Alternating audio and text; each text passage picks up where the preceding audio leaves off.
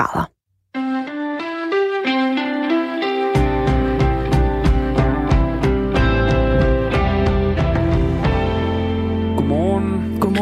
Klokken er 5 over 6. Du lytter til øh, Radio 4 morgen. Det er den 7. maj 2020. Og øh, i dag får vi måske noget at vide.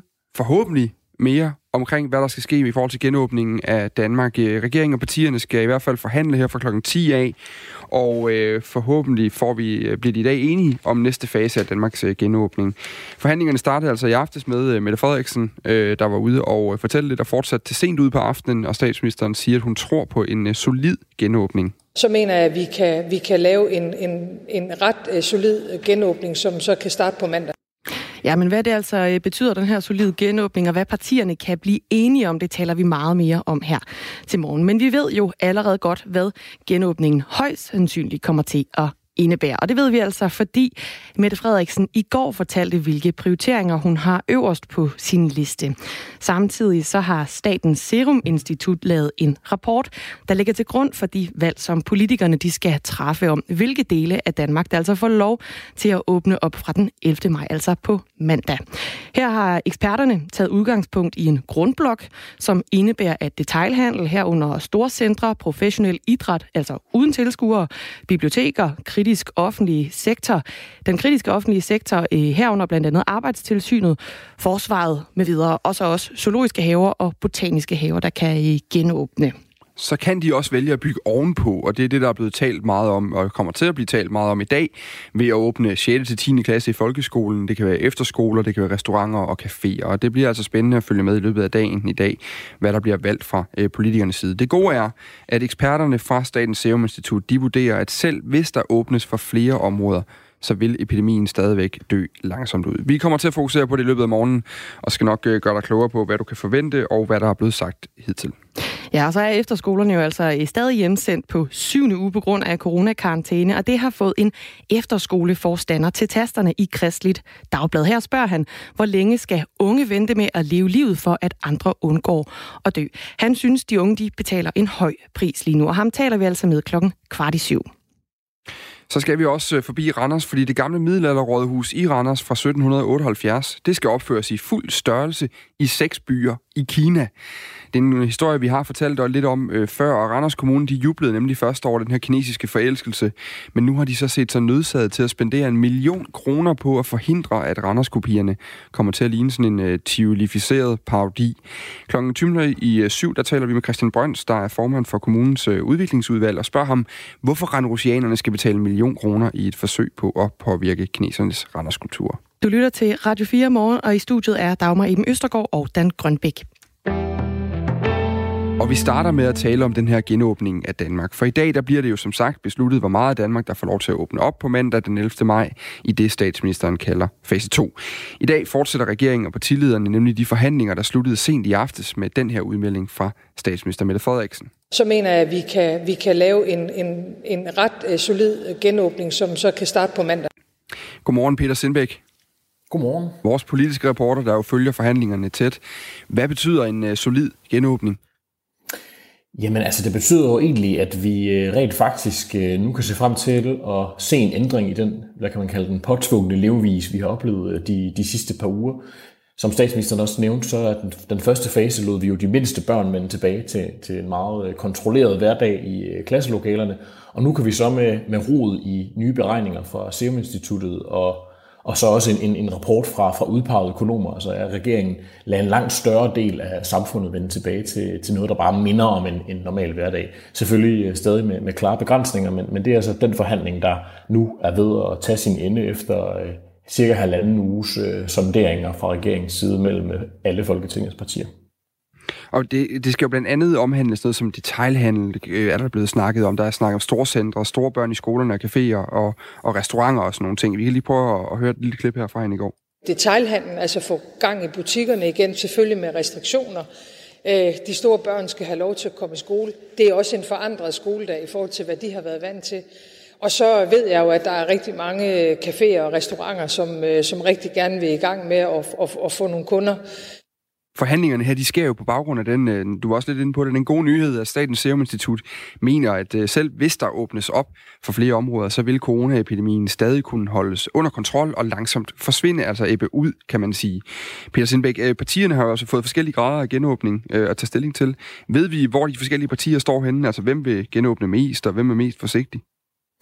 Der er klart nogle, nogle skismer blandt Folketingets partier. Altså, for eksempel har vi konservative og nye borgerlige, som med udgangspunkt i, i et erhvervsliv, som jo i den grad kæmper under den her øh, coronakrise, har ment, at man skal åbne så meget som muligt, øh, og som, samtidig har vi partier, der mener, at man øh, at det, man bør stoppe op og lige trække vejret dybt, inden man bare går amok, så at sige, og, og, og åbner øh, samfundet i, i, i for høj grad, og derfor risikerer, at smitten kommer tilbage.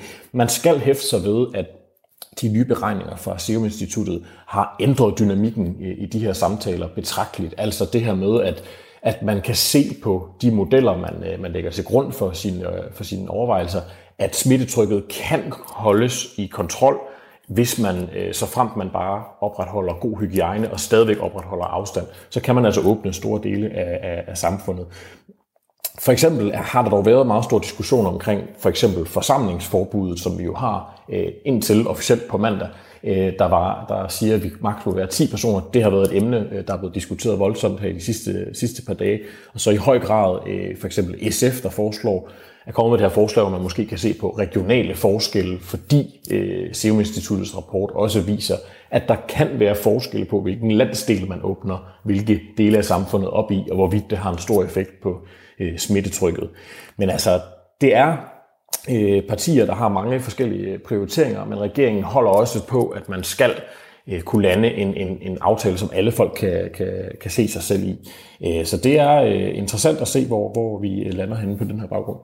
En af de ting, der også er blevet diskuteret, det er jo genåbning af de danske grænser. Øh, både Venstre og de radikale, de vil gerne sætte en dato på, hvornår grænserne åbner, og konservative vil også have sagen afklaret, som de siger. Men statsministeren, hun afviste altså i aftes at sætte en dato på. Vi kan lige høre et øh, klip med hende her. Ej, vi kommer ikke til i morgen at sætte en dato på grænsespørgsmålet. Det mener jeg er for tidligt. Altså grænserne er, er i mine øjne en, et, et, ligesom et, et kapitel for sig. Altså inden vi øh, bliver revet helt med euforien omkring genåbningen, så er der altså her en ting, der, der lige bliver sat lidt en stopper for. Hvorfor er det, hun ikke vil sætte en dato på, på grænseåbningen? Ved vi mere om det?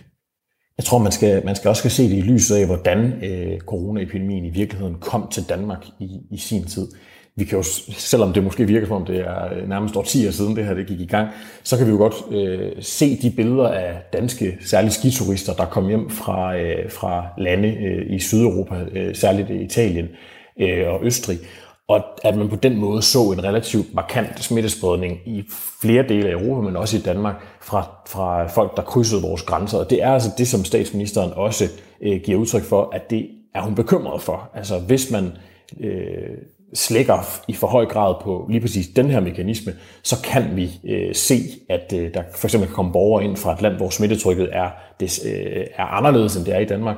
Øh, men antallet betyder noget, og det kan flytte smitten i en negativ retning, hvis man for eksempel lige pludselig får øh, en masse folk ind fra, øh, fra andre lande, hvor restriktionerne eller øh, behandlingen af coronavirus er, er anderledes. Mm. Men altså, nu har vi så hørt fra eksperter, der siger, at, at grænserne kan åbnes, hvis vores naboer også begynder at, at, at gøre det samme. Og der er det jo en debat, man også har i både øh, Tyskland og andre europæiske lande, hvor man også ser på, hvornår man måske kan begynde at åbne for, for grænserne i, igen. Øhm, altså, der har også været forslag fremme, for eksempel konkret i de her forhandlinger, nemlig for, også fra de konservatives formand Søren Pape Poulsen, der også er tidligere justitsminister, at man måske kunne åbne op øh, for, eller åbne for borgere fra andre, fra visse lande, øh, så man måske kunne lave det, man kalder en, en gradvis øh, grænseåbning. Mm. Men det er også en, en debat, man skal lande på i løbet af i dag. Men jeg tror, øh, som statsministeren også understreger, ikke at grænseåbning er noget af det, vi, øh, vi lige kommer til at se øh, på, øh, på papiret forløbig. Men ikke desto mindre, så, øh, altså, vi, vi taler lige nu med Peter Sindbæk, vores øh, politiske reporter her på Radio 4. Vi taler om, øh, om det, der blandt andet står i Berlingske øh, her til morgen, øh, hvor, hvor øh, det nogle i deres avis er, at i dag regner politikerne med at kunne præsentere en plan for, hvilke dele af samfundet, der skal åbnes i anden fase, og det vil være på mandag, den fase begynder, hvis vi skal øh, lade Mette Frederiksen, statsministerens ord, stå til, til trone. Øh, selvom de sundhedsfaglige eksperter og de økonomiske eksperter altså nu har, har varet ind, så er det jo sidste ende en politisk afvejning, hvad der genåbnes, og det er jo så det, de skal blive enige om i dag, altså regeringen og, og partilederne. Peter Sindbæk, du følger jo forhandlingerne for os i dag. Hvad er det særligt, du holder øje med, når, når de nu fortsætter? Altså lige præcis det her med, at det, det jo er den politiske afvejning, der tror jeg, man skal hæfte sig ved, at der er en bred politisk vilje i Folketinget nu til at se på en, en hvad kan man sige, markant større øh, fase 2, end vi så fase 1. Altså, det tror jeg, man skal, man skal, være, man skal være klar på som dansker, at, at det her er ikke bare, at der er nogle få klassetrin, der kommer i skole igen. Vi kommer til at se, at der er store dele af vores serviceindustri, der, der vender tilbage til, til noget, der kan minde om en, øh, en normal. Men, men noget af det, der har været diskuteret meget, som øh, det blev først foreslået oprindeligt fra øh, SF's formand Pia Olsen Dyr, som vi også skal tale med senere i dag i udsendelsen, Øhm, det her med en regional genåbning, at det er noget, der er kommet på bordet. Vi ved, at, det, at der er flere partier, der også har udtrykt, at øh, det kunne være en øh, idé, hvis man kigger på det.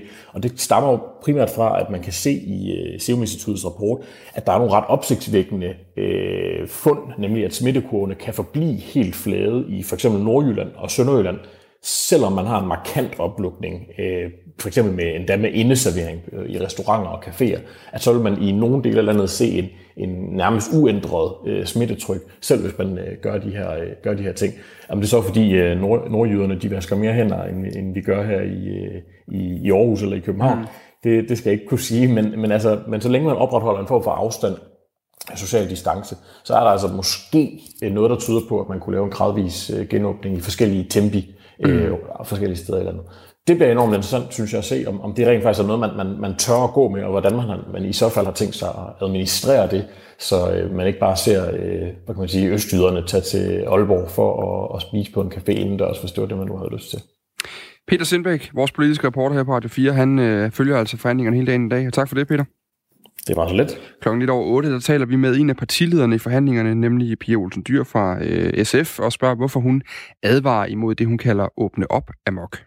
Ja, og frygter du også for at åbne op amok, så øh, er du altså velkommen til at skrive her ind til os på Radio 4 morgen. Det kan også være, at du måske ser rigtig, rigtig meget frem til, at der er et eller andet bestemt, der åbner. Måske du selv sidder og er caféejer eller barejer osv., og øh, rent faktisk kan måske komme til at åbne op på mandag. Så vil vi også rigtig, rigtig gerne høre fra dig. Hvad tænker du om den her mulige genåbning, og hvad vi måske skal genåbne på øh, mandag? Frygter du en åbne op af mok som øh, Pia Olsen Dyr, så skriv her ind til os. Det kan du gøre på 1424, så skriver du R4 et mellemrum, og så din besked. Vi forsøger også at få Socialdemokratiet med øh, i dag i radioen på spørgsmålet om, hvorfor de ikke vil sætte en dato på grænseåbningen, når nu sundhedseksperter, borgmestre, erhvervsliv og andre øh, partiledere endda efterspørger det. Men det ser vi, om det kommer hjem her i øh, løbet af morgenen. Klokken er 17 minutter over 6. Og så ved jeg ikke med dig, Dan. Øhm de her dage, hvor man jo har skulle holde sig sådan lidt ekstra meget hjemme, har du, sådan, øh, har du kigget ekstra meget i køleskabet? Øh, ja, nej, det tror jeg faktisk ikke, men til gengæld så har jeg jo, jeg har jo, øh, jeg har, vil sige, jeg har taget min tørn for at støtte det nødlidende, nødlidende erhvervsliv. Der er blevet bestilt noget takeaway øh, på nogle, også nogle ukurante tidspunkter en gang imellem. jeg, jeg er faldet lidt i den der sådan, øh, i, i snack-rutinen, må jeg aldrig indrømme, og det der køleskab, det virker farligt tæt på. Teenager-livet. ja, det er sådan noget af den stil. Øh, I hvert fald, jeg er faldet i, i, i oliven, og så er jeg også farligt glad for chips. Sådan det mere salte køkken, vil jeg, vil jeg måske kalde det. Du som er gået og kværnet oliven. ja. Sådan. De gode der med mandlerne i, det er så lækkert. Øh, I Frankrig, der øh, snakker de altså også amok, og øh, det, jeg ved ikke, det kan man måske ikke bebrejde dem med det køkken, de, de rent faktisk har. I en ny måling, der viser det sig, at øh, 51 dages udgangsforbud i Frankrig, det har resulteret i, at øh, de fleste franskmænd, de har taget 2,5 kilo på, skriver DR. Har du kunne mærke det med nogle af de der bestillinger, du har lavet? øh, jeg, ved, jeg, jeg, faktisk ikke, jeg har ikke lige vejet mig her. Jeg har ikke lavet coronatesten på vægten, men, øh, men jeg, jeg, tror ikke, jeg tror ikke, det på den måde er sådan helt ude i hampen. Altså, det, det, det har også lige så meget at gøre, at man har bevæget sig lidt mindre, synes jeg, ja. end man plejer. Ikke? Jo. Man har siddet meget indenfor. Jeg har heller ikke taget øh, coronatesten på vægten, må jeg indrømme, men, øh, men jeg kan da godt mærke, at øh, det føles som om bukserne de sidder en lille smule strammere. Men hvad er det så, de har snakket dernede? Altså, fordi det, er jo så ligesom, det må være, ligesom også være det, der afgør det, for der er jo også, altså der findes jo også grøntsager øh, syd for Tyskland, så på den måde, så burde det jo kunne lade sig gøre. Og... En, lille, en lille guldrød måske? Ja, jeg ved faktisk ikke, om hvad de gør lige med guldrødderne. Ja. Men, Målingen den viser, at øh, franskmændene de især har snakket øh, chokolade, charcuterie, tror jeg, man udkal, udtaler det. Ja. Altså sådan noget, øh, øh, nogle pølser og... Øh, pølser. Ja, sådan noget der, noget skinkehaløj, ikke? Øh, og, øh, og sådan noget aperitif før måltid, øh, som, som altså er nogle af de her sådan, mest populære nydelser, franskmænd de har, øh, de har indtaget i rigelige mængder hen over det her udgangsforbud, de altså har været, har været ramt af. Øh, ifølge den her måling, så agter hver anden franskmand også at spise sundere fra 11. maj det er der, de der grøntsager, de kommer ind. Når jeg kommer hjem fra ferie, så, for, så starter så, vi. Ja, første, Efter jul, 1. Så januar, ikke? Ja, det er yes. 1. januar. Det 11. maj, øh, der starter genåbningen i, øh, i Frankrig, der bliver den indledt. Og 18 procent, de erklærer, at de fra på mandag altså vil gå på faktisk regulær slankekur. Det, så, hvem havde troet, at vi også skulle finde negative ting ved genåbningen af vores samfund? Det er, at man lige pludselig skal til at spise sundt igen. Jamen altså, det er forfærdeligt. Mm. Klokken er 20 minutter 6. Lyder til Radio 4 morgen. Siden øh, børnehaverne, vuggestuerne og skolerne blev åbnet op for tre uger siden, så har pædagogerne og lærerne haft øh, travlt derude. Børnene de skal vaske hænder, de må kun lege med den samme gruppe, og dørhåndtag og så videre skal sprittes af i løbet af dagen. Det har fået mange kommuner til at rykke rundt på deres medarbejdere. Alt fra jurister til tandplejere er blevet sendt ud i institutionerne for at hjælpe med øh, rengøringen og pædagogikken. Men det viser sig nu faktisk at have nogle negative konsekvenser. Det kan vi her på Radio 4 fortælle her til morgen. For når psykologer for eksempelvis skal vaske legoklodser i en børnehave, så forsømmer de de sårbare børn, som de ellers ville have løbende kontakt til i de timer. Det fortæller formanden for Psykologforeningen Eva Sikker. Vi øh, er bekymrede for, at de kommuner vil få et efterslæb på nogle øh, andre øh, opgaver, altså der handler om børns udvikling og trivsel og øh, underretning og behandling af psykisk lidelse og rådgivning af udsatte forældre og alt muligt andet, som øh, kommer til at medføre et øget pres på for eksempel børn- og ungdomspsykiatrien, og i hvert fald det opgave, der er i kommunerne. Så vi synes, at det var det var usmart at lukke en kritisk funktion for at opretholde en anden. Psykologforeningen kender øh, konkret til eksempler i seks kommuner, hvor psykologerne de ikke kan hjælpe sårbare unge, der mangler hjælp, fordi de altså er sendt ud for at hjælpe pædagogerne i daginstitutionerne i stedet. Vores reporter her på øh, Radio 4, Martin Møller Gertsen, har også talt med Mikkel Lund, der normalt arbejder i jobcentret i Hillerød Kommune. Da skolerne og børnehaverne de åbnede op, der fik han en chance i en børnehave, hvor han tegner med børnene, og han hjælper dem med at vaske hænder. Og han er altså øh, nu nødt til at forsømme sit normale job, hvor han er i kontakt med sårbare unge for at vaske hænder med børnene i institutionerne i stedet. Jeg kan sige, på grund af corona her var jo, øh, var jo hjemsendt øh, fra, fra Rådhuset, hvor min normale arbejdsplads er. Og jeg har normal kontakt til øh, knap 25 unge mennesker, som, som i en eller anden grad har, har, har, har mere, end, altså mere eller mindre kontakt med i løbet af en uge. Nogle har rigtig meget brug for kontakten, og nogle har ikke brug for den rigtige. De har bare brug for ligesom at blive holdt, holdt til ilden med de ting, de går og laver. Um, og nogle af dem har været et forløb og en, en udvikling, som har gjort, at de har brug for noget, noget støtte. Uh, og andre har bare, skulle sige, skulle holdes til deres faste praktik arbejde. Så, så du havde noget at lave, øh, da du blev kaldt ud? Altså, du sad ikke bare derhjemme og trillede tommelfingre? Ja. Ja, jeg vil så sige, altså, ja, altså, ja, det havde jeg. Øhm, lige da coronaen kom, der var absolut ingenting at lave. Altså, det, der var ingen, der kontaktede mig. Jeg kunne ikke få kontakt til mine unge, men det kom langsomt tilbage. Ligesom da det blev, hvad skal man sige, da man fandt ud af, at det ikke bare var en ferie øh, da de unge mennesker, jeg fandt ud af, at det ikke bare var ferie. Ikke? Det var faktisk noget, der var faktisk var altså, alvor. De her unge mennesker, øh, du har kontakt til, hvad er det, dit arbejde består i med dem? Og hvad er det for nogle unge mennesker? Jamen, det er unge mennesker, der kan lide af alle mulige former for psykose eller angst, eller noget depression, stress, selvmordstanker. Øhm, nogle er indlagt på psykiatrisk lukket afdeling, nogle er indlagt på psykiatrisk åben afdeling. Sådan nogle. Og hvad består dit arbejde så i, med, når du er i kontakt med dem? Jamen, øh, for eksempel hvis man er indlagt, øh, så skal man jo have en udskrivningsmentor, som skal, som skal hjælpe personen videre, når personen bliver udskrevet. Øh, det kunne være sådan noget. Øh, det kan også være, at øh, der er nogle person, der lige er startet på et fast øh, arbejde, og ikke har haft det siden øh, lang tid, og skal have støtte til ligesom at blive fastholdt i den situation. Øh, det kan være nogen, der skal have støtte i starte i skole, men så er ikke lige relevant i øjeblikket, kan man sige. Men det kan være sådan noget. Hvad var det så, der, der ligesom skete med de her unge mennesker, som, øh, som du plejer at holde kontakt med, øh, da du så skulle ud i en øh, børnehave i stedet for? Jamen, mit problem er lidt, at øh, problemet er, altså det, der er ikke nogen aktivitet hos de unge. Det vil sige, at de unge, de står ikke lige op klokken 8 om morgenen. De står op klokken 10-11 stykker. Og det er så der, jeg skal starte en institution fra, fra 11 til 15. Øhm, så, så den, det, skal man sige, det vindue, jeg havde, hvor jeg kunne tale med de unge, det var ligesom lukket. Hvad er konsekvensen så, eller hvad kan den være for de unge mennesker, når du ikke ligesom er der til at, som du selv siger, holde dem til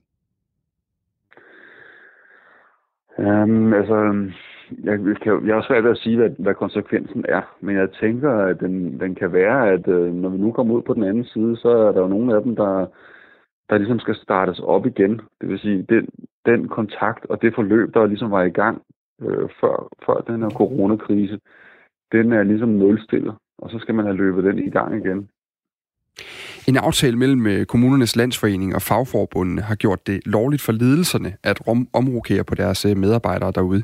Aftalen lyder, at, øh, citat, udgangspunktet vil være, at den enkelte medarbejder, der eventuelt skal varetage nye og uprøvede opgaver, inddrages så tidligt som muligt. Mikkel Lund, som Martin Møller Gertsen, vores reporter, har talt med her, han fortæller, at han oplever en usikkerhed ved at varetage et job, han ikke føler sig rustet til, og så har han følt sig presset til at melde sig i coronatjenesten. Jamen, jeg blev ringet op af min leders leder, faktisk. Øh, som så øh, bad mig, spurgte om jeg havde lyst til at tage ud i det her beredskab for Hillerød Kommune i institutionerne. Øh, og fik at vide, at, øh, at jeg selv måtte bestemme, men alligevel ikke måtte. Hvordan øh, fungerede det, det her med alligevel ikke? Øhm, Jamen altså, jeg vil sige, der, altså, min, altså lederen var jo forståelig, forstående nok over for situationen og over for, hvad skal man sige, at man måske ikke det var det bedste i verden, man kunne, men man, på den anden side, så måtte man jo også øh, ligesom hjælpe, hvor man kunne. Det må jo give personen ret i jo. Altså, det, det er jo ikke noget for gjort i. Det er jo bare en, øh, en lidt underlig situation at blive sat i, synes jeg. Hvordan øh, foregik det sådan helt konkret? Hvornår øh, efter den opringning skulle du så faktisk ud i en børnehave? Og jeg mener, det var ugen efter. Fik du at vide, hvad du skulle, og fik du kurser eller oplæring i det? Nej. Der var ingen, der var ingen, ingen varsling på, hvad jeg skulle, eller hvor jeg skulle hen, eller hvor lang tid jeg skulle være afsted, eller, eller hvor mange timer jeg skulle være der, eller, eller, eller hvad jeg skulle lave. Så du fik heller ikke nogen oplæring på den måde? Nej. Ja. Som du selv nævnte tidligere i interviewet, så, øhm, så, øhm, så, så kunne du heller ikke fortænke din leder i det her med, da vedkommende sagde, at øh, nu skal vi hjælpe til, øh, hvor vi kan hjælpe til, ikke? Mm. Altså, øh, er det ikke også bare sådan, det er? Altså, nu var der jo brug for, for nogle medarbejdere ude i børnehaverne blandt andet, og så er du blevet sendt derud. Er det ikke også fint nok? Jo, det er helt klart fint nok, at man bare bliver sendt ud, men problemet er jo lidt, at man ikke, øh, der er ikke, det er ikke sådan rigtig struktureret. Der er ikke nogen, altså jeg, jeg er jo ekstremt rådvild over for mit arbejde øjeblikket. Jeg føler ikke, at jeg kan løfte de opgaver, jeg er blevet ansat til at løfte, og jeg føler faktisk ikke, at jeg udfylder den, det stykke arbejde, som jeg er blevet ansat til at lave. Og det, det er jo mega frustrerende for mig. Øh, og, ikke, og ikke at vide, at jeg laver mit arbejde ordentligt. Eller ikke at synes, at jeg laver mit arbejde ordentligt. Så på den måde kunne jeg godt tænke mig, at der var nogle rammer for, at, øh, Altså, hvor man bliver sendt ud, hvornår og hvor lang tid, og hvad man skal lave. Altså, det vil, det vil hjælpe en helt vildt meget. Hvilke rammer har I fået for det fra, fra din ledelse side? Ingen. Jeg aner ikke. Jeg aner ingenting. Stadig ikke, selvom jeg har været der, været det min tredje, anden, tredje uge at køre på nu. Ja, det fortalte øh, Mikkel Lund altså til vores reporter Martin Møller Gertsen. Og vi har naturligvis forsøgt at få øh, Hillerød Kommune til at stille op til et interview om den kritik, kommunaldirektør for Hillerød Kommune, Erik Nygren.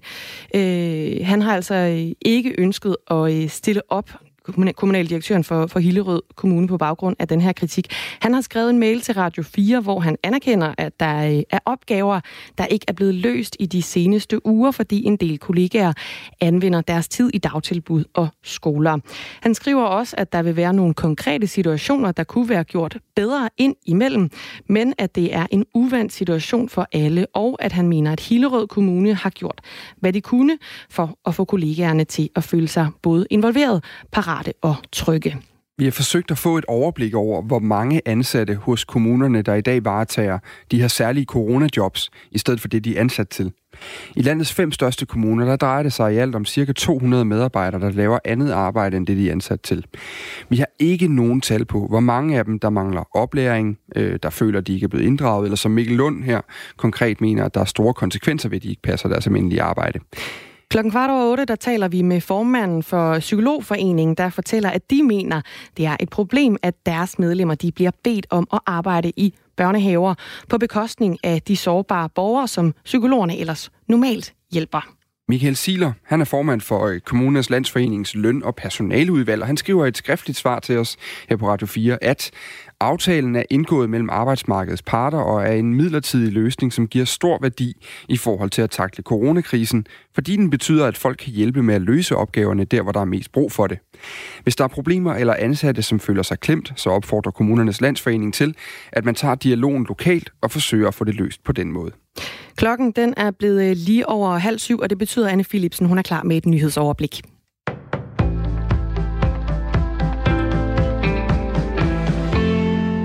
Venstre, Liberal Alliance, Konservative og Radikale Venstre presser nu på for at få en afklaring omkring genåbningen af grænserne, sådan så tyske og norske turister kan komme til Danmark. Grænserne er lukket lige nu som følge af coronakrisen, og det har ramt turisterhvervet hårdt. Men statsminister Mette Frederiksen har ikke planer om at åbne grænserne nu. Det, øh, man sundhedsfagligt rådgiver os om, det er, hvis der kommer en borger ind fra et land, hvor smittetrykket er det samme, som det er i Danmark, så, så er der ikke snævert set en forøgelse af risikoen i forbindelse med den borger, men så kommer antallet selvfølgelig til at betyde noget. Så hvis der pludselig kommer en masse mennesker udefra oven i os, der er her i forvejen, så kan det jo være med til at flytte øh, smitten i en negativ retning. Øh, og selvfølgelig skal vores grænser også ses i sammenhæng med, hvad der sker i, øh, i, i landene omkring os. Så vi er, vi er opmærksom på grænsen, men på min liste ligger det jo ikke som det første. Venstres formand Jakob Ellemann Jensen siger, at han vil forsøge at få fastlagt en dato ved forhandlingerne om den yderligere genåbning, som skal ske i dag. Og når Tyskland drøfter grænseåbningen, så er det også nødvendigt, at vi gør det i Danmark, mener Jakob Ellemann Jensen. Hos Radikale Venstre efterlyser politisk leder Morten Østergaard et klart svar fra regeringen. Kan vi tage imod tyske og norske turister hen over sommeren, eller kan vi ikke? Det skylder vi turistbranchen svar på, siger Morten Østergaard. Sundhedsstyrelsen har før fortalt, at grænselukningen var en politisk beslutning. I dag forhandler partierne videre, og så forventer man altså, at en samlet plan for fase 2 af genåbningen af landet, den vil blive præsenteret i løbet af i dag. Det er en for snæver kreds, der bliver testet for coronavirus i de indrettede testcentre, og derfor så får vi ikke et reelt billede af smitten. Det kritiserer eksperter nu, det skriver Jyllandsposten i dag. Avisen har lavet en rundringning til flere af de 16 centre rundt i landet, og rundringningen ifølge avisen viser, at det stort set er kommunalt ansatte i området omkring centrene og ansatte i Kriminalforsorgen, der bliver testet. Det sker selvom myndighederne i teststrategien har meldt ud, at et bredt udsnit af befolkningen skal testes, også folk, der ikke har symptomer. Derudover så skal kommunalt personale i sundheds-, ældre, socialsektoren, pårørende til sårbare personer og kontakter til smittede testes, skriver Jyllandsposten. En af kritikerne er Allan Randrup Thomsen, som er professor i biologi på Københavns Universitet. Han siger til avisen, at han havde forventet, at man var gået i gang med at teste en langt bredere kreds. Fra testcentrene lyder det, at der er ledig kapacitet til at teste flere i teltene, men at der ikke er nok mennesker at teste. Jyllandsposten har forgæves forsøgt at få en kommentar fra Sundhedsstyrelsen, men ifølge sundhedsminister Magnus Heunicke fungerer testteltene efter planen. Iraks nationalforsamling har godkendt en ny regering. Det sker efter, at landet har været uden regering i seks måneder. Det bliver efterretningschef og tidligere journalist Mustafa Al-Kadimi, der bliver den nye premierminister. Men han kommer til at begynde sin embedsperiode uden en fuld regering, fordi flere ministerkandidater er blevet afvist. Den tidligere premierminister Adel Abdul Mahdi, som har ledet en overgangsregering, trak sig sidste år, efter at tusindvis af demonstranter gik på gaden for at kræve flere jobs og for at kræve at få afsat Iraks regering. Demonstranterne beskyldte den politiske overklasse, som tog over efter, at USA væltede Saddam Hussein tilbage i 2003. De beskyldte dem for korruption, som skulle have lagt landets økonomi i ruiner. Vi tager et kig på vejret her til sidst. Tørt vejr får vi i dag med nogen eller en del sol, men i den sydvestlige del af landet, der får vi mere skydevejr til at starte med. Temperaturerne i dag op mellem 12 og 16 grader.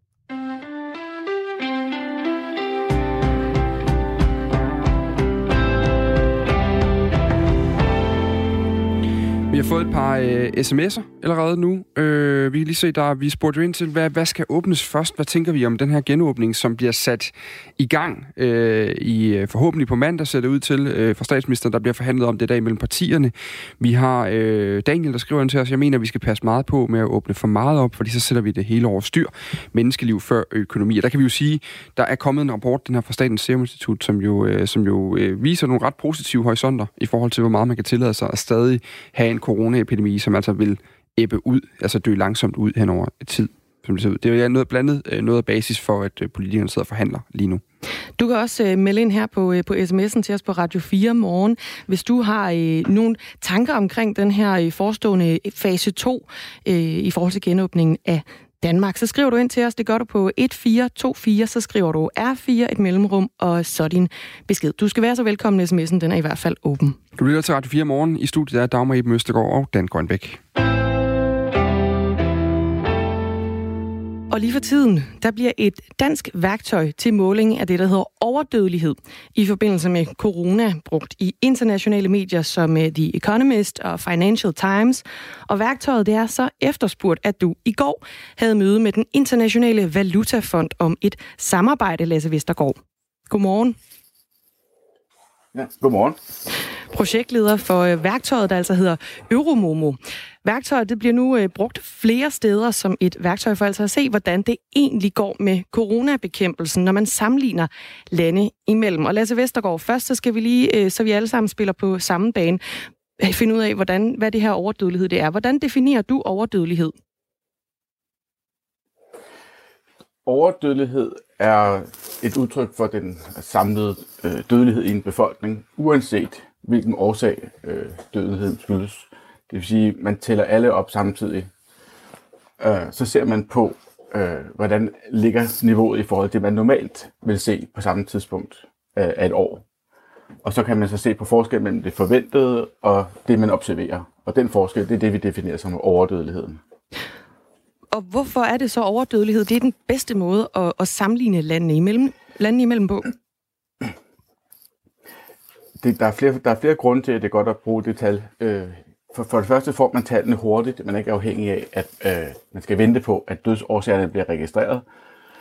Øh, det tager altid tid, når man skal øh, registrere præcis hvilken dødsårsag, men det, det har man ikke øh, behov for, når man bare skal vide øh, datoen for et dødstal og, øh, og alderen. Øhm, det andet er, at man, er u- man ikke er afhængig af øh, forskel på, hvordan man opgør dødeligheden. For eksempel nu under øh, coronavirus-pandemien, hvordan man tester, og om folk er blevet testet. Så man får alle med, som, man, som kunne være øh, påvirket, for eksempel af coronavirus, uanset om de er blevet testet eller ej. Så det, man får et mere objektivt og rent mål for øh, dødelighed, og man får det hurtigt.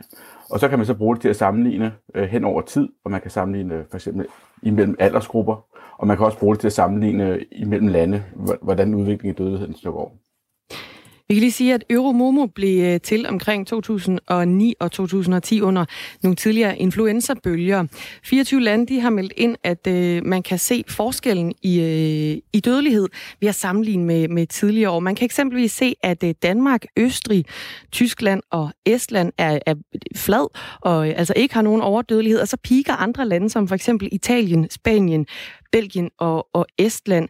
Andre lande de har så øh, nægtet at dele deres data. Hvorfor er der nogle lande, der er så bange for at dele deres data med jer? Ja, altså, det startede som i samarbejde, som du sagde, omkring 2010 med en mindre gruppe af lande, hvor man vil sætte et nyt, øh, nyt måleredskab op i forbindelse med pandemier. Og det, det samarbejde har så vokset løbende, og vi er nu nået op på cirka 24. Og øh, det er fortrinsvis vesteuropæiske lande. Øh, og vi har også prøvet at få flere østeuropæiske lande med. Der kan være lidt forskel på, øh, hvor, hvor, hvor villig man er til at dele sine dødelighedstal som med, her og nu. Så, så der er forskellige tekniske og sådan måske forskellige holdningsmæssige grunde til, at man vil deltage i sådan et netværk. Men, men hvad, hvad er det for nogle lande, der ikke er så vilde med at dele den her slags data? Jamen, der er forskellige. Der er nogle lande, de har simpelthen øh, længere øh, forsinkelse på deres registrering. Øh, der er nogle lande, der stadigvæk i høj grad anvender papirbaserede øh, registreringer og ikke, ikke elektroniske. Så det er, nogle, det er nogle af de lande, vi ikke har med. Kan du nævne nogle, nogle specifikke lande? Jamen, man kan jo se på vores kort, at vi er jo, vi har, vi er jo ser dækket ind i Vesteuropa, og så har vi så en række mere øst, østeuropæiske lande, som ikke er med i netværket endnu. Men der, der er jo undtagelser. Vi har Estland med for eksempel, øh, vi har Ungarn, vi har vi er godt på vej til faktisk at få Ukraine med, som også nu begynder at sende os data, dog kun med, med en måneds, altså månedlige data, ikke ugenlige data. Så. Jeg ønsker, at afbryder Lasse Vestergaard, bare lige, sådan, lige kort forklarende, bare lige for at være helt sikker på det.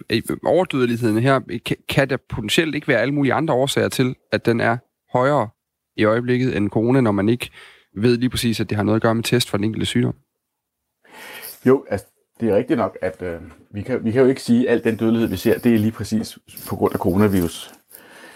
Øh, men det, der, man kan sige, på befolkningsniveau er der ikke andre årsager, som på nogen måde kan forklare den pludselige overdødelighed, man har set. Øh, der kan så være den faktor, at der kan være andre årsager til dødelighed, som er faldet på samme tidspunkt, sådan at det så udligner det let. Det kan vi jo ikke se direkte. Så man vil senere, når man får de rigtige øh, dødsregistreringer, så skulle man gå ind og mere præcis øh, beregne, hvad var så den konkrete dødelighed i forhold til coronavirus. Mm. Men vi vil aldrig få det helt præcise tal, fordi mange vil jo ikke være testet, eller man vil have testet forskellige øh, typer af patienter.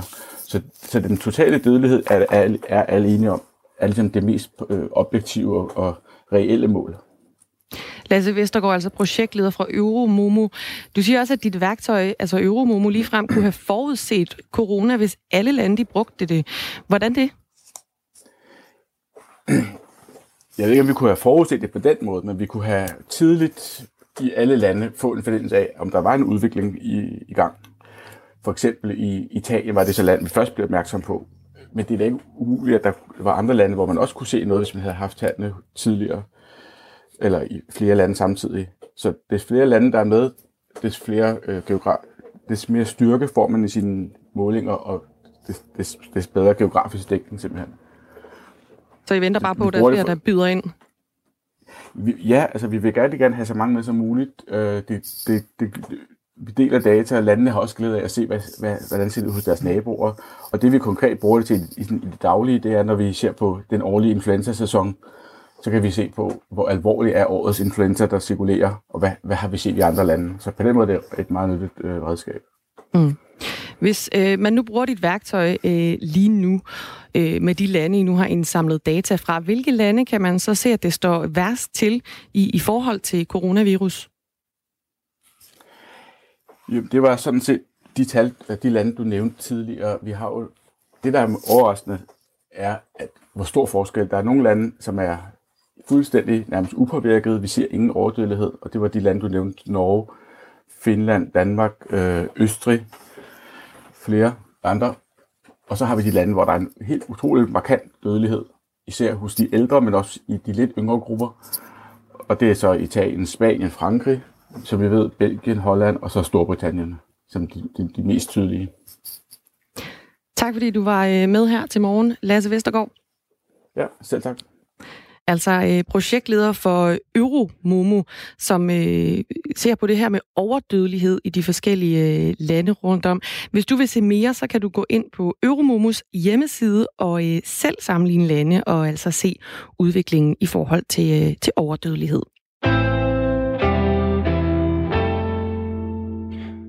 Øh, der er simpelthen nogle historier, Dagmar, der er så øh, forunderlige, vil jeg kalde dem, mærkværdige, ja. at, at det bliver sådan noget, der, er, der altså, som simpelthen bliver en følgetong på en eller anden måde. De, øh, at man undrer sig, og derved så bliver de ligesom hængende ved en. En af dem øh, handler om en, øh, en ja, man kan godt sige en, øh, lidt en, en spirende kærlighedsaffære øh, øh, mellem øh, Kina og Randers. Mm. Fordi der var jubel og begejstring, da Kina sidste år blev så forelsket i Randers, at de øh, ville bygge kopier af dele af Randers Midtby, herunder byens gamle rådhus i seks forskellige kinesiske byer. Det var øh, Randers Kommune indgik så en aftale med et kinesisk øh, konsortium i projektet, øh, i håb om, at det ligesom kan få kinesiske turister til Kronjylland, altså øh, fordi man har set byerne derhjemme. Men nu har forvaltningen i Randers øh, set de første tegninger og skitser, der viser, hvordan kineserne så vil bytte, bygge de her øh, Randers bydele i Kina. Og øh, byggestilen er ifølge forvaltningen et karikeret Disneyland, der med pangfarver og krummelure mest af alt ligner en parodi. Det skriver Randers af Amtsavis. Udviklingsudvalget i Randers Kommune har derfor bevilget en million kroner, som skal bruges øh, på at forsøge at få kineserne til at rette ind og lave de her Randers-kopier mere autentiske. Godmorgen, øh, Christian Brøns. Godmorgen, godmorgen. Du er venstreformand for det her udviklingsudvalg i, i Randers. Hvor, hvorfor er det en kommunal opgave at bruge en million skattekroner på at lobby for at få de kinesiske kopier af Randers til at ligne virkeligheden? Nå, men det er vel heller ikke et spørgsmål om, at øh, det, det er stedet kernevelfærd. Da Randers i sin tid gik ind i projektet, så var det jo sådan set øh, for os at se en mulighed for at øh, tiltrække turister til Randers ved, at vi udstillede seks øh, temabyer i Kina, men så også en mulighed for, at vi kan skabe en connection mellem randusiansk erhvervsliv og kinesisk erhvervsliv. Får man en dårligere connection af, at, at, øh, der, at de her byer, bydele bliver bygget lidt som et Disneyland med pangfarver og krummelure? Nej, jeg tror, det er et spørgsmål om, at øh, hvis man også selv skulle have malet et portræt, så vil man vel gerne have, at det nogenlunde ligner, hvis man, øh, hvis man skal lægge navn til. Hvad, hvad, jeg, jeg skal lige stadig forstå, hvad, hvad er problemet i det? Fordi det vigtigste er vel, at der er noget af Randers i Kina, så øh, turisterne bliver opmærksomme på Kronjylland. Ja, det er klart, øh, og det er også derfor, vi går ikke ind i den her proces og siger, at det skal være en til en, men øh, ud fra det, vi har fået oplyst af vores forvaltning og vores samarbejdspartnere øh, i Kina, så, øh, så mener de det er hensigtsmæssigt, at vi går ind i processen for nu at dreje den i, i den rigtige retning. Mm. Man kan sige sådan lige omkring, hvordan det skal foregå, så har udvalget, øh, udviklingsudvalget i Randers Kommune, altså som sagt bevilget den her million kroner. Den skal bruges på at købe arkitekttegninger, der kan foræres til det kinesiske konsortium, hyre en øh, konsulent, der skal holde opsyn med projektet, samt sikre, at øh, repræsentanter fra kommunen et par gange om året kan rejse til Kina og være til, til stede i processen. Øh, nu har I så bevilget den her million kroner til ligesom at lobby for, øh, for korrekt dansk øh, byggeri, kan man sige, i, øh, i Kina. Men, men hvorfor skulle kineserne ændre deres byggestil? Fordi I sender en konsulent og, og forærer nogle arkitekttegninger. Hvad er forhåbningen? Jamen forhåbningen er jo, at ved at vi er endnu tættere involveret i processen, hvor at man kan sige, øh, for nuværende har det jo været på afstand, ved at vi kommer tættere i processen og, øh, og kommer med på, på byggemøder, at der så er en større chance for, at vi kan være med til at øh, påvirke processen i den retning, som vi ønsker. Mm. Og, og hvordan, altså, er det simpelthen, hvordan er samarbejdet med kineserne? Altså, er de lydhøre over for det her? Jamen, øh, indtil videre er det jo foregået igennem en, øh, igennem en mellemmand i Kina, og vi tror egentlig på, at, øh, at vi kom tættere på ved, at vi nu tager det her skridt. Øh, og indtil videre så har det egentlig været min opfattelse, at, øh, at øh, den dialog, der har været med Kina, egentlig har, har fungeret øh, ganske udmærket, men ved at vi ved de her træk egentlig kan komme endnu tættere på at øh, påvirke processen. Mm.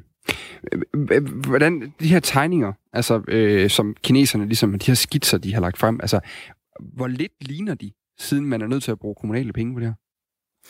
Jamen altså, øh, man kan sige, at nogle af, nogle af udgifterne havde vi haft uanset øh, om, om, om de her tegninger havde været øh, været, været et stykke væk fra virkeligheden. Altså, vi har jo forvejen øh, forpligtet os i den kontrakt, vi har lavet med Kina i forhold til at, at, at levere tegninger øh, af det gamle rådhus eksempelvis. Så nogle af de her udgifter, dem havde vi altså haft uanset.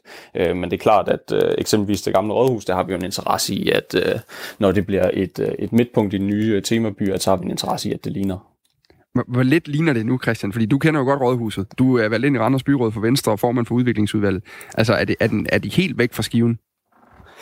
Jamen, det, det kommer an på, hvad din vurdering er helt væk fra skiven er. Det, det, det har jeg svært ved at, ved at kunne sige. Nej, men det er, det er fornuftigt, at vi går ind i processen for, at det kommer til at, øh, til at ligne mere. Altså, det er jo også lidt svært at tegne et billede over radioen, kan man sige. Ja, men vi kan prøve. Det er i hvert fald det, jeg, jeg har taget en uddannelse i, så det er jo noget med, at man, øh, man har... Altså, Randers Rådhus, altså, så vidt jeg husker, så er det sådan en stor, flot, gammel, hvid bygning med et sort tag, og så med, øh, jamen, jeg ved ikke hvad, sådan en lille tårn op på top med et spir på en eller anden måde i midten. Ja, det er en fin beskrivelse. Er det ikke okay? Hvordan, det er en fin beskrivelse. Hvor langt væk fra er kineserne?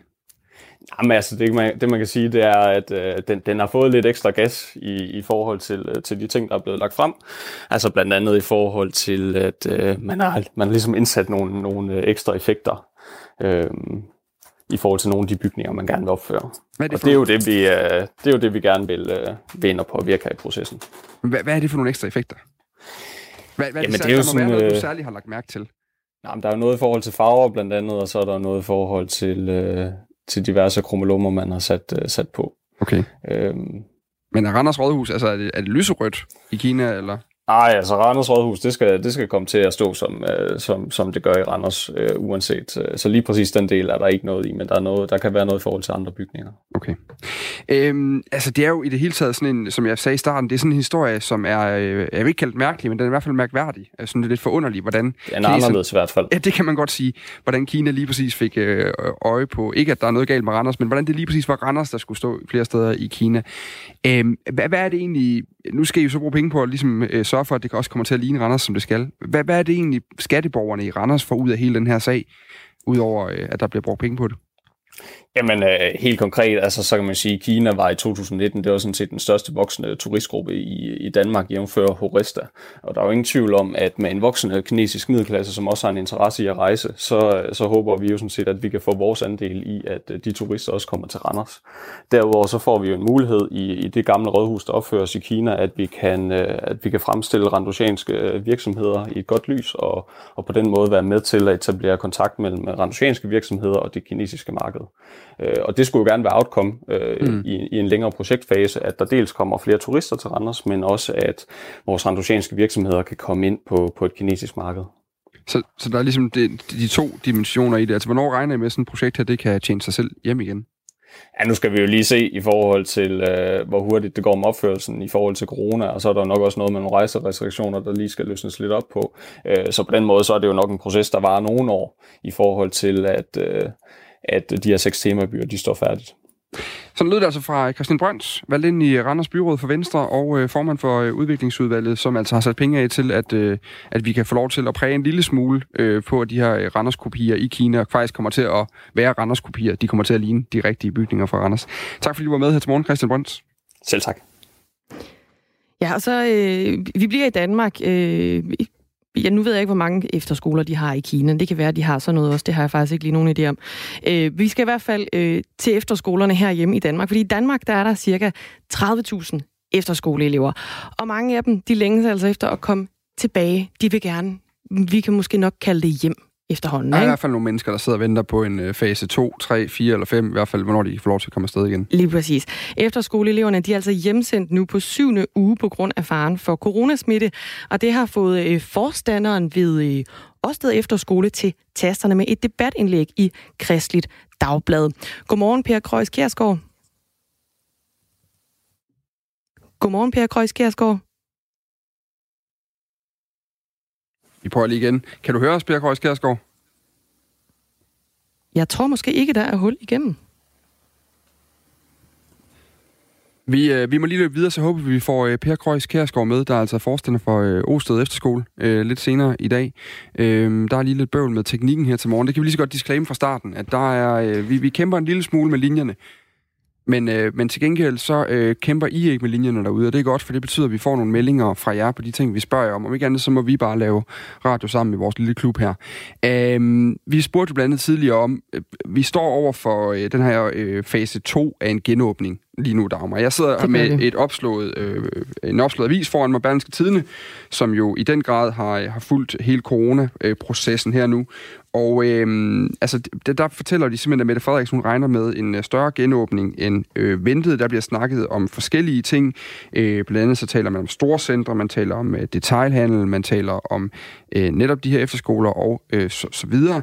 Øh, hun siger blandt andet her, Mette Frederiksen, for nu havde vi en tidligere på morgen, der skrev ind, at, øh, at vi skulle med han, altså det var Daniel, der skriver, jeg mener, vi skal passe meget på med at åbne for meget op, for så sætter vi det hele over styr.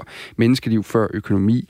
Og der, der siger Mette Frederiksen faktisk øh, i Berlingske i, øh, i dag her, at jeg kommer selvfølgelig ikke som statsminister og siger, at det skal være præcis på den her måde, men jeg kommer ikke til at bringe Danmark i en situation, hvor jeg lader mig presse til at gå meget længere end det, jeg mener er forsvarligt. Ja, det har hun jo hele tiden sådan set lagt vægt på. Det er det her øh, ret store forsigtighedsprincip, de ligesom ligger ned i, øh, i den strategi, eller ned over den strategi, som, øh, som de jo ligger for Danmark hele tiden, og som de hele tiden er i gang med, tænker jeg også at revidere, mm. for hvordan Danmark skal, skal genåbnes. Øh, der har der i hvert fald været talt rigtig, rigtig meget om, øh, om forsigtighed på, øh, på alle mulige leder og, og kanter.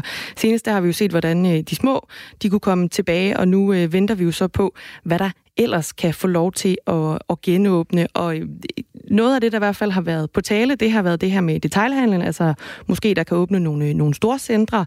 Det kan også være, at det er nogle øh, caféer, der kan få lov til at åbne op igen for, for en eller anden form for servering. Men vi ved så ikke helt endnu, hvad jeg ved af, om det bliver øh, både inde- og udservering, eller bare det ene eller det andet, øh, og hvordan det lige helt mm. konkret skal, skal foregå. I hvert fald så forhandler de altså videre i dag om den her fase 2 i, i genåbningen af Danmark. Vi spurgte jer jo ind til, hvad I, øh, hvad I tænker om det. Hvad skal vi åbne op først? Det vil vi fortsat gerne øh, blive ved med at gøre. Skriv ind til os, hvad du, øh, hvis du sidder derude, for eksempel arbejder eller ejer en café, eller en restaurant, eller øh, hvad det ellers kan være, og sidder bare og venter på, at, at det kan også være, du arbejder på et bibliotek. For det har der også været snak om, om de skulle åbne op. Det, jeg tror faktisk, de regner med, at de, de har regnet med hele tiden, at uh, den her 11. Uh, maj vil være en deadline for dem, hvor de mm. kunne få lov til at, uh, at åbne op igen. Uh, men altså, hvad tænker du om det? Du kan også være bruger af caféen. Hvor meget savner du at komme ned og drikke kaffe på din lokale café, spise et måltid mad på din lokale restaurant, eller, eller, eller gå en tur på biblioteket uh, og, og finde nogle bøger til, uh, til den her tid? Det vil vi rigtig gerne høre fra dig. 1424 er uh, nummeret, du kan sende sms'er ind til os. Bare du starter med R4 og et mellemrum, så lander de lige i voksen hos os. Så havde vi også historien, øh, Dagmar, om, øh, som er en af de historier, vi fokuserer meget på her til morgen. Det er, at vi her på Radio 4 har øh, kigget nærmere på, hvilke faggrupper det egentlig er, der er sendt ud i vores daginstitutioner i øjeblikket, for at ja. hjælpe med at vaske hænder på børnene, og spritte dørhåndtag af, og gøre legetøj rent, og alle de her ting. Fordi vi hører i dag fra Psykologforeningen, at de blandt andet oplever, at der er problemer. Øh, man har simpelthen sendt en masse psykologer ud, for eksempel som er kommunalt ansatte, ud i de her daginstitutioner for at hjælpe til med, med de her ekstra coronaopgaver lige i tiden. Og det betyder altså, at der er mindre tid til det, de normalt sidder og laver, som for eksempel er at hjælpe øh, besværede børn og unge øh, med øh, de problemer, de kunne sidde med. Vi har for eksempel øh, været i kontakt med Mikkel Lund, vores reporter Martin Møller Gertsen, han har været i kontakt med Mikkel Lund, øh, som, øh, som altså normalt er socialrådgiver i, øh, i Hillerød Kommune, men, men lige nu der er han altså øh, sendt afsted øh, ud i en børnehave, fordi han skal, skal, han skal hjælpe nogle af de her øh, børn mm. med, med hverdagen nu her i genåbning, hvor der jo skal holdes noget ekstra afstand, og så skal der bare vaskes hænder rigtig, rigtig meget. Og det er han altså blevet sendt ud for at hjælpe med, i stedet for at udføre det her job, som han jo, øh, han jo ellers normalvis gør, hvor han hjælper i unge. Der har vi en lytter, der har skrevet ind til os. Godmorgen. Jeg kender en tandplejer, der arbejder i den offentlige børnetandpleje. Hun er meget frustreret over at være sendt ud og passe børn, selvom de private tandklinikker er åbne. Børn har nok mere brug for en tandrensning, tandrensning end at øh, blive passet af en ikke uddannet børnepasser. Vi vil rigtig gerne have, at I skriver ind til os, øh, og øh, giver os øh, jeres øh, besøg på de forskellige ting, vi taler om i radioen her til morgen. Øh, som sagt, 1424 er nummeret. Du skal starte din sms med R4 og et mellemrum, så øh, vil vi altså hellere gerne høre din mening. Og så var det jo altså meningen, at vi skulle have snakket med Per Krøjs Kærsgaard lige nu, men vi har øh, simpelthen nogle tekniske udfordringer, som gør, at vi ikke kunne komme igennem til ham. Han er forstander ved Årsted Efterskole, og han har skrevet et indlæg til øh, om de unge og efterskoleeleverne, som han mener betaler en for høj pris her under coronanedlukningen. Og øh, ham skulle vi have snakket med lige nu. Det var, ikke, øh, det var ikke en mulighed, men det vi får at vide af vores, øh, af vores producer, det er, at øh, han er med i øh, tredje time af Radio 4 morgen i dag. Han er med omkring kl. 8.22 i stedet for. Så vi øh, lægger lige lidt, øh, vi laver planerne lidt om nu. En af de ting, som jeg og mange andre ligesindede de seneste uger har gået og ventet på, det var, ja. at der var en eller anden, som snart ville fortælle os, hvornår der kunne blive sparket en læderbold ud på et stykke græs igen, så vi kunne få lov til at sidde søndag eftermiddag og glemme alle de andre ting, vi burde lave. Har du fodboldabstinenser? Jeg har slemme fodboldabstinenser, det har jeg haft i noget tid nu. Øh, men, øh, og nu, jeg er født i, jeg er født i 1990, Dagmar. Det betyder, at jeg var meget lille i 92, da mm. Danmark vinder, vinder EM i sommeren der. Øh, det betyder også, at jeg har, ikke, jeg har ikke oplevet det her jubelbrøl, der var dengang. Nej. På, øh, altså, folk får jo ud på vejene og stod på rådhuspladser rundt omkring, og det gik jo amok den aften der. Det kunne have været ret sejt at opleve ja, i hvert fald. hvor de vandt op på Ulevi. Men jeg forestiller mig, bortset fra, at vi alle sammen sad lukket inde i hver vores lejlighed eller hus rundt omkring i går, jeg forestiller mig, hvis man nu havde sat mikrofonen op de forskellige steder, så ville man have fået et jubelbrøl af samme karakter fra de danske fodboldfans, da der lige pludselig i går kom en melding ud fra Mette Frederiksen om, at det er vigtigt, at Superligaen snart bliver åbnet igen. Det bliver uden tilskuer. Men ved du, vi er ligeglade med tilskueren. Bare vi kan se noget fodbold i fjernsynet. Ja, ja, ja. Det hjemme i sofaen og hygge sig. Ja. Øh, det, den melding kom jo også i går blandt alle de andre ting, at øh, Superligaen altså ser ud til gerne så smart øh, og må åbne op igen. Simpelthen fordi man har vurderet nu, at smitterisikoen øh, er tilpas lille til, at det kan lade sig gøre. Det er altså også en historie, vi kigger nærmere på her til morgen. Hvor højt var dit jubelbrøl i går?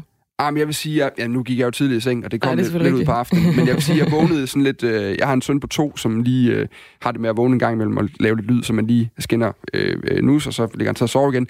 Og der, så har jeg det jo med lige at kigge på min telefon, om der er sket noget. Og der var tækket en sms ind fra de første to-tre øh, bekendte, som havde skrevet Superligerne bare tilbage. Og der vil jeg sige, der var lige sådan et halvkvæl gisp i soveværelset af ren glæde, inden jeg lagde mig til at sove igen.